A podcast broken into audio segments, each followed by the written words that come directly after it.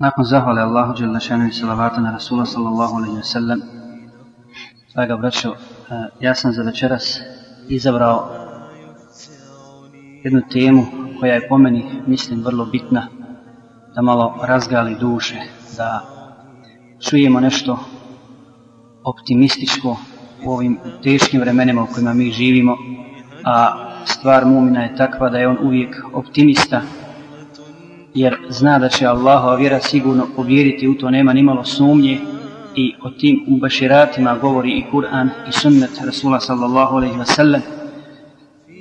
Da bi nam se pojačao iman, ispričat ćemo neke primjere ljudi, odnosno omladin, omladinaca, omladine, koja se vratila istinski Allahu Đalešanuhu, jer kuranske priče ili primjeri iz Sirije Resula s.a.v. odnosno svih poslan, Allahovih poslanika su, kako kaže Mujahid, priče kuranske su Allahova vojska, dakle vojska od Allahove vojske koju on šalje i objavljuje kome, kome on hoće. Zato kaže uzvišeni faksusul qasas la'allahum yatafakkarun. Pa ispriča im pripovijesti ili priče da bi oni da bi oni razmislili o tome. O ovom dersu, dakle, ili moto ili uvod ovoga dersa, biće kuranski ajet u kojem Allah Đalešanohu kaže أعوذ بالله من الشيطان الرجيم حتى إذا بلغ شده وبلغ أربعين سنة قال قال رب أوزعني أن أشكر نعمتك التي أنعمت علي وعلى والدي وأن أعمل صالحا ترضاه وأصلح لي في ذريتي إني تبت إليك وإني من المسلمين Dakle, radi se o čovjeku, kako stoji u tefsirima, o mladiću koji je se vratio Allahu Đalešanuhu, koji je bio jedan od onih koji su bili griješnici i nepokorni Allahu, pa kaže, a kada dospije u zrelo doba i kada je napunio 40 godina, čovjek rekne, gospodaru moj, omogući mi da ti budem zahvalan na blagodati koju si dao meni i mojim roditeljima i pomozi mi da činim dobra djela kojima ćeš ti biti zadovoljan i učini dobrim potomstvo moje, ja se kajem i odan sam tebi. Dakle, ovo je milost Allaha Đalešanuhu, kad se čovjek istinski pokaje, kad se vrati Allahu, Allah osvjetli njegova prsa, kad spozna da je Allah gospodar svih svjetova, da je Allah gospodar nebesa i zemlje, da će se pre, njemu vratiti i polagati račun, čovjek se vraća i zna da tada neće koristiti ništa kako kaže uzvišeni jaume la yanfa'u malu wala banun illa man ata Allah bi qalbin salim. Osim onoga dakle neće koristiti ni bogatstvo ni sinovi osim onoga ko dođe Allahu čista srca.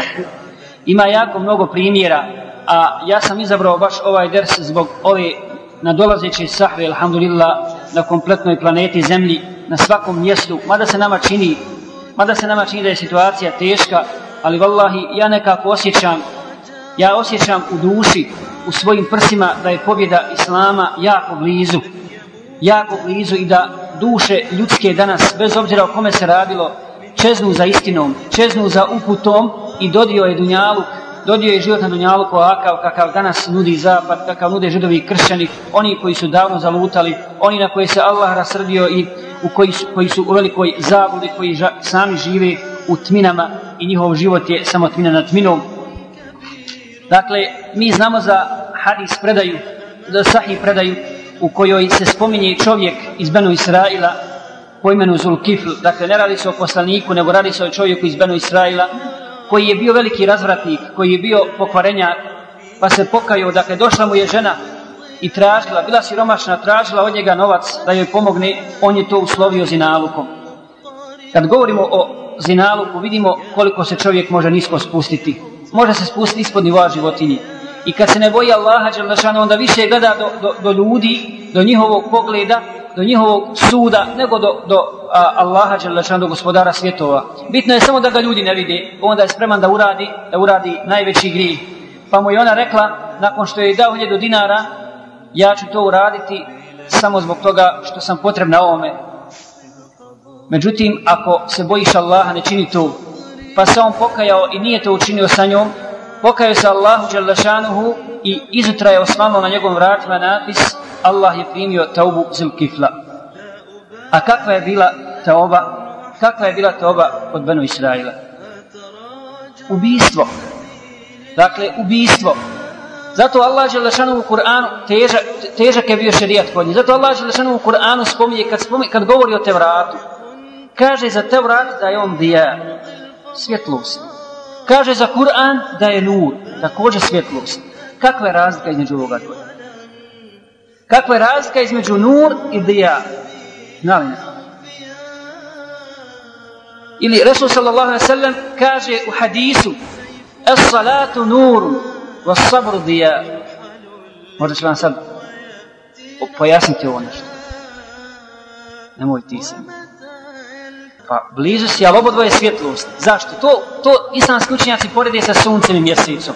Pazite, sunce je dija, svjetlo, ima u sebi svjetlo. Svjetlo je svakako.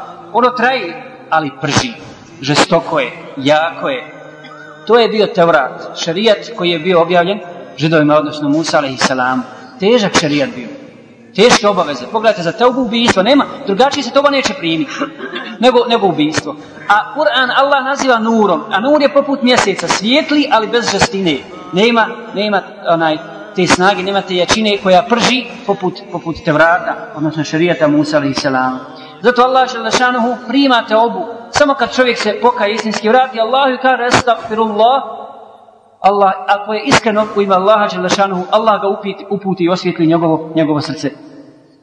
Zato ćemo spomenuti neke primjere koji će nas, inša Allah, vratiti, pojačati naš iman i učvrstiti nas na putu istine uh, do dženneta koji je Allah Đelešanuhu obećao mu'minima. Mi smo jedan put spominjali, ako se ne varam, slučaj velikog islamskog učenjaka, imama dvaju harema, Fudajla ibn Iyada. Međutim, nije na odme da spomenemo za onu braću koja nisu čula tu priču, počet ćemo s tom pričom i ima još toga o njemu da se kaže, mi smo ju ukratko spominjali. Dakle, Fudajl ibn Iyad bio je poznat u svojoj mladosti kao najveći lopov. Najveći lopov. Toliko je krao i bavio se time i bio poznat u svom narodu kao lopov da su žene na večer kad djeca ne bi htjela da spavaju, plašila ih time i govorili ako se ne ušutiš, doveću ti podalja da te odnese. Međutim, jednu večer je otišao da pokrade, otišao da, da radi svoj posao, krađa. I došao je do kuće jednog starca, popeo se na pozidu i vidio je u kući starca koji pod svijećom slavim svjetlom uči Kur'an.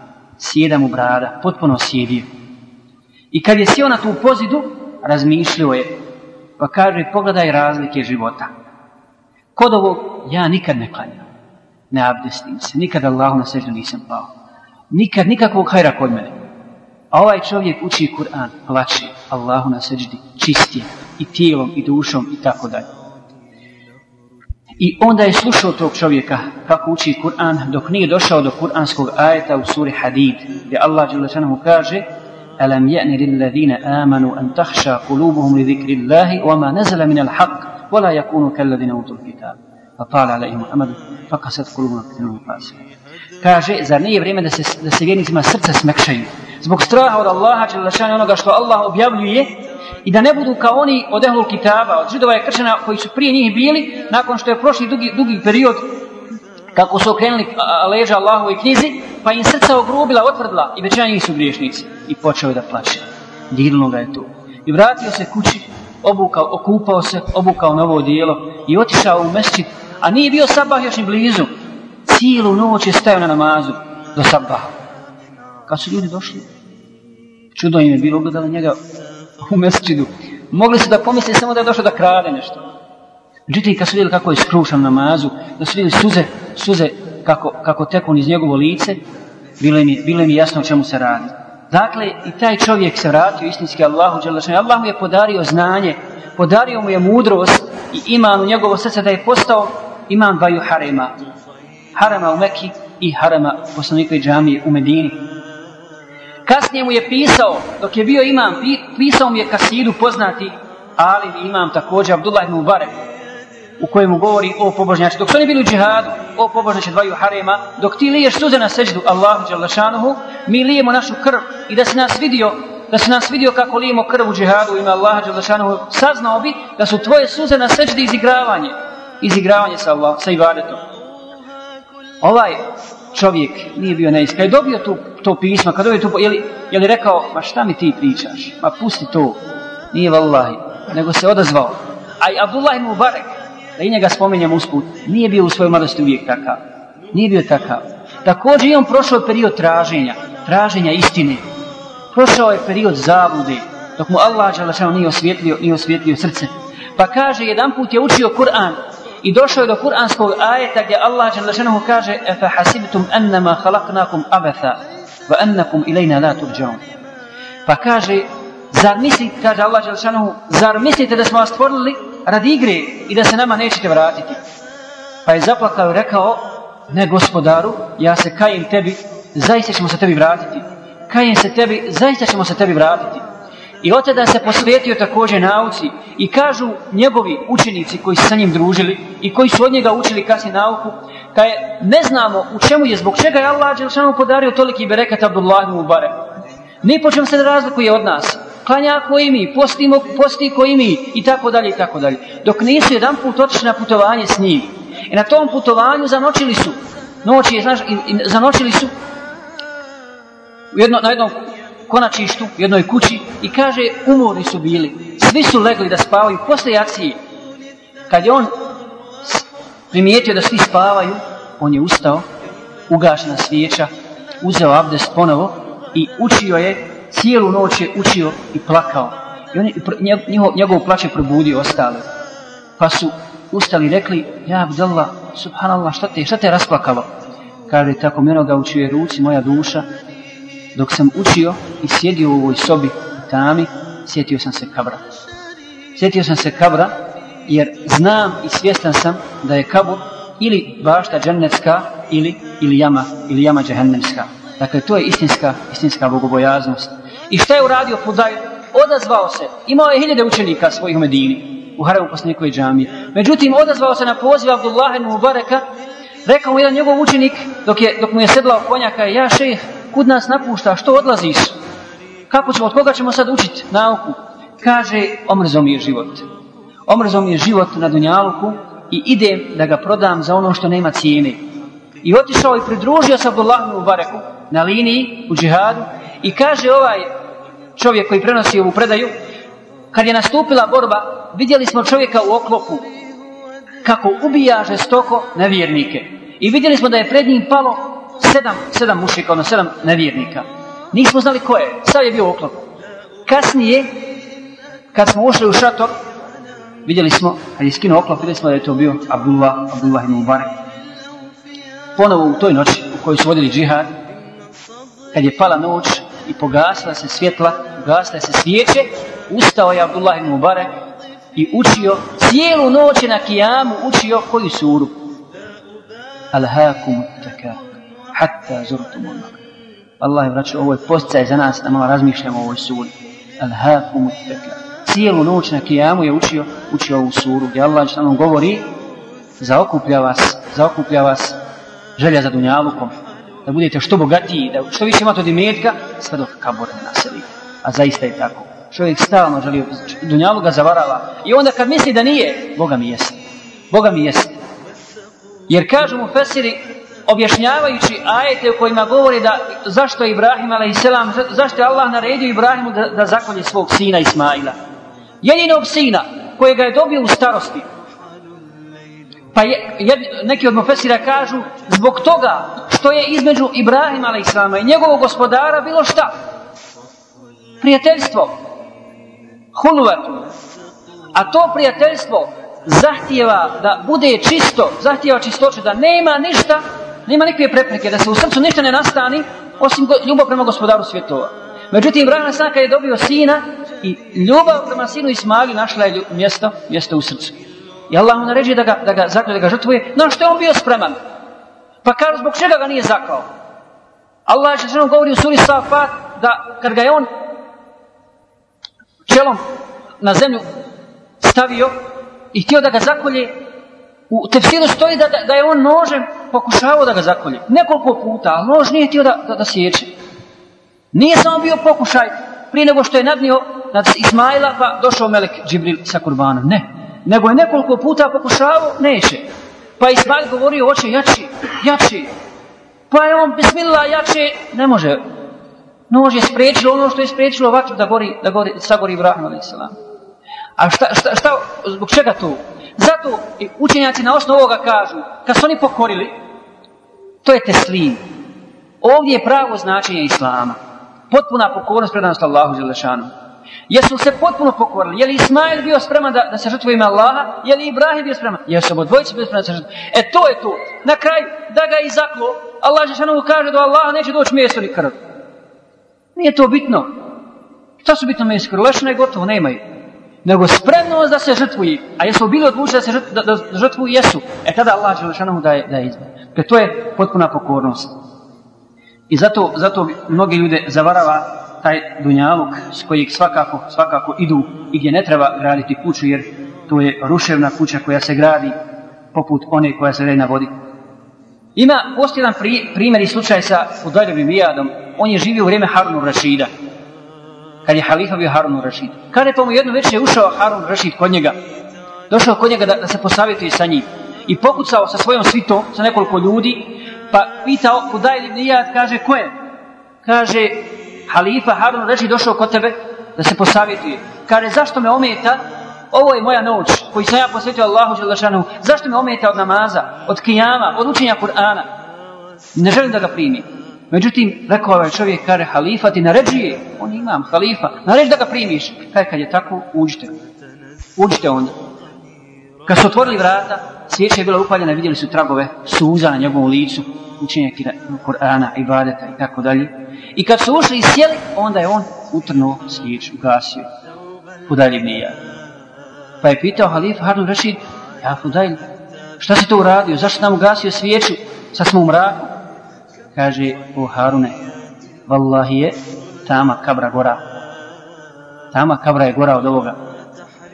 Pa je Harun Rashid rekao, posavjetuj me. Kaže, o Harune, vidim, ti lijep, vidim te lijepog lica.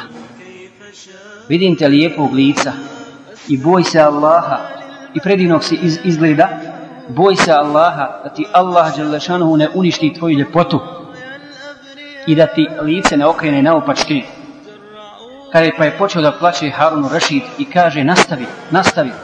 Kaže, o Harune, kada dođe sudnji dan, svaki čovjek, svaki čovjek od nas će odgovarati samo za sebe, a ti ćeš Harune odgovarati za svakog čovjeka u tvojoj državi, u državi koju, koju, koju ti vladaš. I plakao i dalje Harun Rašid i na kraju je pitao treba li ti išta od mene.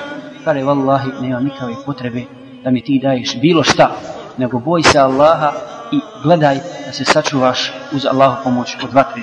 I otišao je i rekao je Harun Rašid, nisam sreo čovjeka iskrenijeg i učenijeg od Fudajla ibn Iyada. Ovaj čovjek, Fudajl ibn Iyad, je imao sina, kako bilježi ibn Tejmije u svojim dijelima, imao je sina Aliju. Allah mu, želešan, pogledajte kakvu je fazu prešao čovjek i do, do kojeg stepana je došao. Pored toga što mu je Allah podario mudrost i znanje i, i sve ostalo, podario mu je i dobro potomstvo. To je velika blagodat. Wallahi velika blagodat. Allah Đelešanu hidru naređuje da, da, da ubije dijete, roditelja koji su pobožni zato, zato da bi Allah dao bolje dijete. Dijete ako, ako, je, ako je pokvarno, ako nije veliki je zvijet. Wallahi veliki. To oni koji imaju djecu, a nisu djeca u redu, to mogu da osjeti. Zato molimo Allah šanu da uput, uputi inšallah našu djecu. Kaže Ibn Tejmije, u Dajri Dijad je imao sina Aliju koji je umro na namazu. Koji je umro klanjajući. Kaže, i Fudar ibn Iyad, kad bi god dođe u mesčit, ako vidi da mu je sin tu u safu, nikad nije učio ajete o džehennemu, o sudnjem danu, nije smio to da učio. Odmah on pada. Nego je stalno učio neke druge, neke druge sure. Jedno jutro došao na sabah, sabah namaz, razgledao i nije ga primijetio. I učio je suru, učio je suru Safat. I došao je do, do ajeta u kojem Allah Đelešanu kaže وَقِفُوهُمْ إِنَّهُمْ مَسْئُولُونَ مَا لَكُمْ لَا تَنَاصَرُونَ بَلْ هُمُ الْيَوْمَ مُسْتَسْلِمُونَ Kaže, zaustavite, oni će biti pitani. Šta vam je pa jednim drugima ne pomažete? Ne, nego će oni danas se sasvim predati. I kad je završio ovaj ajet, čuo je da nešto palo u sabu. Kad je predao selam, došao mi čovjek i kaže Ja šejih, tvoj sin je preselio na namazu. On se nasmio i rekao, alhamdulillah. Alhamdulillah. Pa su kasnije pitali učenici Ibn Temiju, kaj, kako to, subhanallah, Muhammed a.s. plakao za svojim sinom Ibrahimom, a ovaj se nasmio kad je, kad je čuo da njegov, da njegov sin umro. Kaže Ibn Temije, to je lahko odgovoriti. Zato što je poslanik sallallahu alaihi wa sallam sabrao pri sebi sve kvalitete. Imao je i zahvalnost, zahva, bio, bio je i saburli, zahvalan Allahu Đalešanohu, a bio je i milost na iskušenjima, a bio je i samilostan. Međutim, Hudajl je imao samo jedno od ovo dvoje. Dakle, zahvalio je Allah na iskušenju, bio je saburli i bilo mu je drago što mu, Allah, što mu Allah podario sina koji umro na takav način. Ali nije imao, nije imao pri sebi, pri sebi samilosti. Sljedeći primjer, braćo, je primjer Ibrahima i Mjedhema. Ima li neko ovdje od nas da nije čuo za Ibrahima i Mjedhema? Pobožnjak dijela Selefa, iz Rekajka, iz Ahlaka, ne postoji ni jedno dijelo kad se spominje Rekajk, da se ne spominje ime Ibrahima ibn Edhema.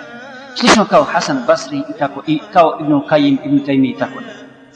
Ovaj čovjek je bio, bio u svoje vrijeme u Horosanu, bio je emir. Bio je oficir. I bio je veliki pijenica. Kaj svaku večer ljudi odlaze u to vrijeme, svaku večer kad ljudi odlaze na jačiju, on svoje društvo okupi, okupi pred mesčidom, kafana i po cijelu noć pije. Prko se na taj način Allahu Đelešanu. Međutim, jedan dan je on sišao u čaršiju, sišao je u čaršiju i naišao je na jedan papir na zemlji, pa je se sagao da vidi šta je. I vidio je papir na kome piše Allahovo ime. Kaže, subhanallah, uzvišeno Allaho ime na zemlji, pod nogama ljudi, pa, ga je, pa je uzeo taj papir, stavio ga u džep i otišao je kući i ostavio ga na rafu. I najveće, kad je zaspao, kad je zaspao, čuo je glas koji, koji ga doziva i kaže mu, o ti koji si podigao Allahovo ime, papir na kojem piše Allahovo ime, Allah će podići tvoje ime. Allah će uzdići tvoje ime. I kad se probudio, kad se probudio, bio je sasvim drugi čovjek razmišljao je dugo, uzeo abdest i zovno ljude koji su bili prvi ljudi kod njega, što on bio emir, i rekao jednom svom slugi, kaže, ako neko bude pitao za mene, nemoj nikom ništa govoriti. Reci, doći, ja ću, ja ću se vratiti. Pa je otišao na brdo, dugo i badetio i badetio, zikrio i nakon nekog izvjesnog vremena skrasio se i došao je u Bagdad i postao jedan od najučenijih i, naj, i najpobožnijih ljudi. Dakle, zbog njegove iskrenosti prema Allahu Đelešanuhu i iskrene tobe Allah Đelešanuhu ga uputio i hvala Allahu koji prima, koji prima tobe od svojih iskrenih robova. Dalje, braćo, primjer Omera radijallahu ta'ala an. Wallahi, preporučujem svakom od vas ili svakom od nas da proučava posebno siru Omera radijallahu ta'ala. Napisane su knjige i knjige na, na, na, na siru o njegovoj pravdi, o njegovoj pobožnosti, o njegovoj iskrenosti prema Allahu Đelešanuhu. A znamo da je prije toga, ko je bio Omer? Znači šta znači istinska toba i vraćanje Allahu Đelešanu? Omer radijallahu ta'ala prije toga je bio najžešći protivnik Islama. I znamo za onu predaju da su ljudi rekli, da su ljudi rekli, prije će njegov magarac primiti Islam nego on. Toliko je bio, toliko je bio protivnik, protivnik Islama. Međutim, kada je prihvatio Islam, toliko je bio pobožan da, ka, da bilježi Enes ibn Malik, ka jednu predaju, kada je sreo sam ga jedan dan i vidio sam ga, svezao sam sebe za, za jedan zid, za jednu pozidu i udara se. Udara se kanđio i kaže, o Omere, boj se Allaha. vallahi, ako se ne budeš bojao Allaha, Allah će te kazniti kako nikoga nije kaznio. Kako nikoga nije kaznio. Dakle, to je Omer radijallahu ta'ala. O njemu, puno, o njemu smo puno čitali i slušali, ne bi, ne bi duljili s njim. Sljedeći primjer, braćo, istinskog vraćanja Allahu Đelešanohu, jeste primjer Tufejl ibn Amra, ad-Deusija, čovjeka koji je bio iz poznatog plemena Deus, poznati pjesnik, ugleda u svom narodu, tako dalje. Kada je čuo za poslanika, sallallahu alaihi wa sallam, došao je, došao je u Meku, došao je u Meku da porazgovara sa njim. Međutim, presreli su ga mušići, šta su kazali? Što si došao? Kada došao sam da, da se vidim sa ovim čovjekom koji kaže da je poslanik. Kare, nemoj, luda, pjesnik, sihirbaz, rastavlja oca o sina, e, radi, radi to i to i tako dalje, pokvarenjak, nema kakvi epiteta nisu zalijepili na, na ime Resula sallallahu alaihi wa sallam.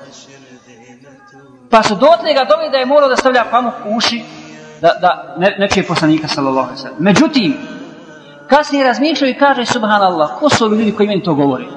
Ja od njega bolje poznajem pjesništvo. Ja od njega bolje poznajem arabski jezik. Ako bude pjesništvo, ja, ja ću ga u tome pobjediti. Ako bude sihr, ja ću da je to sihr. Hoću da ga saslušam pa je došao da sluša poslanika sallallahu alejhi ve sellem poslanik ga je primio i učio mu je učio mu je koju suru učio mu je kuranske ajete kojima Allah Đelešanuhu kaže فَلَا أُقْسِمُ بِمَا تُبْسِرُونَ وَمَا لَا تُبْسِرُونَ إِنَّهُ لَقَوْلُ رَسُولٍ كَرِيمٍ i kunem se onim što vidite i onim što ne vidite. Zaista je ovo govor poslanika plemenitog. وَمَا هُوَ بِقَوْلِ شَاعِرٍ i to nije govor pje, nikakvog pjesnika قَلِيلًا مَا تُؤْمِنُونَ a malo njih vjeruje. وَلَا بِقَوْلِ كَاهِنٍ niti govor bilo kakvog sihirbaza قَلِيلًا مَا تَذَكَّرُونَ a malo njih prima po تَنْزِيلُ مِنْ رَبِّ الْعَالَمِينَ to je objava od gospodara svjetova. Pa je kad je čuo te riječi, Rufejl ibn Am prihvatio, prihvatio islam. Izgovorio šahadu na sliku sallallahu alaihi wa sallam. Braćo, također primjer Sejda Kutba, rahmatullah. Sejd Kutb za sebe kaže da je 40 godina bio nevjernik. Bio je čovjek, jedan od glavnih ljudi u ministarstvu prosvjete u Egiptu. I često puta je putovao na zapad. I bio je zadivljen zapadom.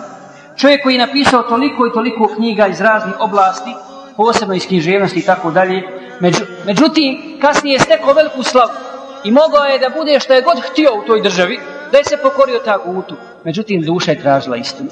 Duša je tražila istinu i našao. Jedan dan je sjedio rasturen. Pogledajte, ovo je vallahi dokaz da čovjek ma kakvim životom živio. Ako se ne pokorava Allahu Đelešanuhu, je skobaju pasi. Jer kad se god probudi i kad god legne i kad, je god, kad god malo razmisli, ne može. Ne može dalje iako si bogataš, iako si popularan, iako si futbalir, i pjevač, i političar, ne znam šta da si, duša traži istinu. Pogledajte naši političara, ljudi koji su, koji su narodno popularni, i u komunizmu, i sada, vallaha, i ostali popularni. Ali viđamo i u Sarajevu, vas da pije, nikad se ne trizme. Uvijek podoći naći dobro. A vi znate na koga mislim. Čovjek koji je doktor nauka, doktor nauka, i sigurno politiku zna ono što kaže narod mali nokat ali nikad nije, nikad nije trizan. Zašto? Pijan od života, nema cilja. Propo, vallah i propo i sam. E takvom stanju je bio Sejid Kut jednoga dana, kada je upalio radio i samo mijenio stanice. Ne znam šta će od dosade. Mijenja, mijenja i naiđe uči Kur'an. Na jednoj stanici lijep, svidio mu se glas i uči suru, uči, ovaj učač uči suru وَالنَّجْمِ إِذَا هَوَا مَا ضَلَّ سَاحِبُكُمْ وَمَا غَوَا وما ينطق عن الهوى إن هو إلا وحي يوحى I tako da uči cijelu suru Neđm, dok nije došao do kraja. يا الله جل شأنه كاجة أزفة آزفة. ليس لها من دون الله كاشفة. فكاجة سوني ناجة سيبون دوش. نزنا غنيكو اتكشي سما الله اتكشي سما الله جل شأنه. أفمن هذا الحديث تعجبون وتضحكون ولا تبكون؟ زرسوا قول شديت اسمية سانة فاشيت يبقى شوية فاشيت Dakle, ova sura je učinila, ovaj učač kad je čuo ove kuranske, kuranske riječi, počeo je plakati i vratio se Allah. Vratio se istini i od taj dan ne napušta, dakle, namaz, ne napušta srđu i dovu, da Allah Đelešanohu pri, primi njegove ibadete i da mu oprosti ono, ono, ono što je radio. Tako da je jedan put, pogledajte koliko Kur'an ima snagu. Zato se danas ne čudimo što ljudi prihvataju. I zato ja kažem zašto ljudi danas prihvataju istinu. Zašto se omladna vraća Allahu Đelešanu? Zašto toliki kršćani na zapadu prihvataju islam? Pa šeh je gore na kampu, onaj koji bi, je liko od vas bio na kampu, šeh je Buenes je pričao slučaj jednog učenjaka una, iz našeg vremena. Muhammed Muntasir al-Kattani, čovjek koji vodi porijeklo od poslanika sallallahu alejhi ve sellem. veliki učenjak, čiji otac bio učenjak, sadašnja Španija, Španija je kršćanska. Je li neko zna da tamo neki, neka velika skupna muslimana? Nema i ne postoji. Protjerani, ubijani, ali kaže sada u ovom vaktu, taj šejh je tražio da ode u Kurtubu, oni zovu Kordova, Kurtubu, odakle je šejh, poznati mu Fesir el Kurtubi, kada je otišao je da sagradi tamo mesjid i tražio njihove vlast da, da, da im dozvole, da je bio poznati mesid u Kordovi. Kaže, pa smo dozvolili. I kada je sagradio je taj mesid i kasnije zovnuo svog oca, pozvao svoga oca da, da onaj otvori, što bi poznati Alim, da otvori taj mesid. I kad je došao njegov otac, ljudi su onaj, se iskupili, napravili mu, napravili mu veliki doček i onda je on održao govor, predavanje. On je kršćan. Pa je napoj rekao, bojte se Allah, vi ste nevjernici, vi ste kršćani, napustili ste islam, zašto se ne vratite islamu, zašto se slijepci, zašto idete u crkvu, zašto se, i tako, kaže ovaj čovjek, ovaj šejh, kaže, ja se stolku tresu, ali sad će mi pokvari sve što sam, izgra, što sam, što sam izgradio. I održao im je takav govor da su ljudi nakon njegovog govora svi prišli, plakali su, prišli i poljubili ga u glavu. Sve jedan. A kršćani. I, I rekli su, to je istina što kažeš. Pa im je kasnije govorio, kršćani su vas slagali dva puta. Rekli su vam to. Rekli su da, da, da su Arapi bili osvajači, međutim oni su bili oni koji su prenosili Allah. Rekli su da ste vi pretjeli Arape odavde, međutim nije tačno, nego su vas kršeni i židovi poubijali ovdje. Poubijali vaše pretke i tako dalje i tako. Sejid Kutb je putao jedan put za Ameriku. Jedan put je koliko Kur'an ima uticaja. Džabati muzika, džabati rock, džabati pjesme, džaba sve ostalo. Koliko Kur'an ima uticaja na čovjeka kada je putovao jedan put za Ameriku na brodu. I bilo njih nekoliko muslimana, a ostalo su bili sve nevjernici. I kaže, bio je petak. Petak treba... Jedan musliman je predložio Sejdu, ka hajde klanja nam džumu. Što ne bi klanjali džumu na brodu? Nek su musafiri. I to su klanjali, svi su ljudi gledali u njih. I Sejd Kutb, rahmatullahi, je održao hutu. I govorio je, govorio, citirao Kur'an, citirao. I na kraju su ljudi došli da mu čestitaju. Između ostalog došla na Jugoslovenka. Plakala je. Plakala je, to Sejd Kut piše u svojim knjigama, Jugoslovenka iz Beograda, Srpkinja, kaže, kako je ovo divan Bog. Wallahi, ka, Boga mi kaj mene je toliko dirnulo. Ja ništa ne znam šta si ti govori. Ne znam jedne arapske riječi. Ali mi je srce igralo dok si ti, dok si ti, dok si ti priča. Kur'an, kršanka, nikad ništa nije, ali postoji fitra. Postoji fitra. Dakle, ovo govorimo zbog toga da smo mi danas u ulozi tih daija. Svaki od nas, koliko treba dole, da samo malo uložimo truda. Allah je dao bereket u ovoj vjeri. Nije do nas, nije do Allaha, do nas je. Samo da malo, malo više radimo, malo, puno bi više ljudi prihvat, prihvatilo Islam. I dakle, i pobjeda ta zavisi, zavisi od nas. Dakle, pa se vratio, vraćamo se na Tufejla, vratio se Tufejl ibn Amr, Deusi, u svoje pleme, i bio toliko poznat i ugledan, sad neće s kim da govori, nego kaže, šta kaže im, neću ni s kim da govorim od vas dok ne prihvatite islam. Pa nisu htjeli prihvatiti islam, pa nisu prihvatiti njegovu davu, pa se vratio ponovo poslaniku sa veselem i kaže, ja Rasulallah, puti dovu Allahu da moj, da moj narod prihvati, prihvati vjeru. I prihvatio je njegov narod na taj način preko poslanikove dove vjeru. Ispričamo još jedan slučaj, inša Allah, s ovim ćemo završiti. Slučaj Muhammeda Irakija. Jeste li čuli za njega? Čovjek koji je bio poznati vojskovođa u ratu protiv židova. Kada, je, kada su muslimani ratovali, muslimani Egipta i Šama, kada su ratovali protiv židova, 48. pa nadalje, bio je veliki griješnik. Veliki griješnik. Ali je učestvovao u onoj patriotskom, patriotskoj odbrani ar, kao Arab, Arab nacionalista, a znamo što su Arapi pisali tamo na jednom brdu, kad su osvojili jedno brdo na Sinaju. Nisu napisali kuranski ajet, nego su napisali Aizal Arab, ponos Arapima, pa su ih židovi kasnije porazili, brzo napisali ispod tog, oni su napisali to, napisali su kuranski ajet, kem min fijetin kaliratin galebe fijetin kefiratin bi idnillah.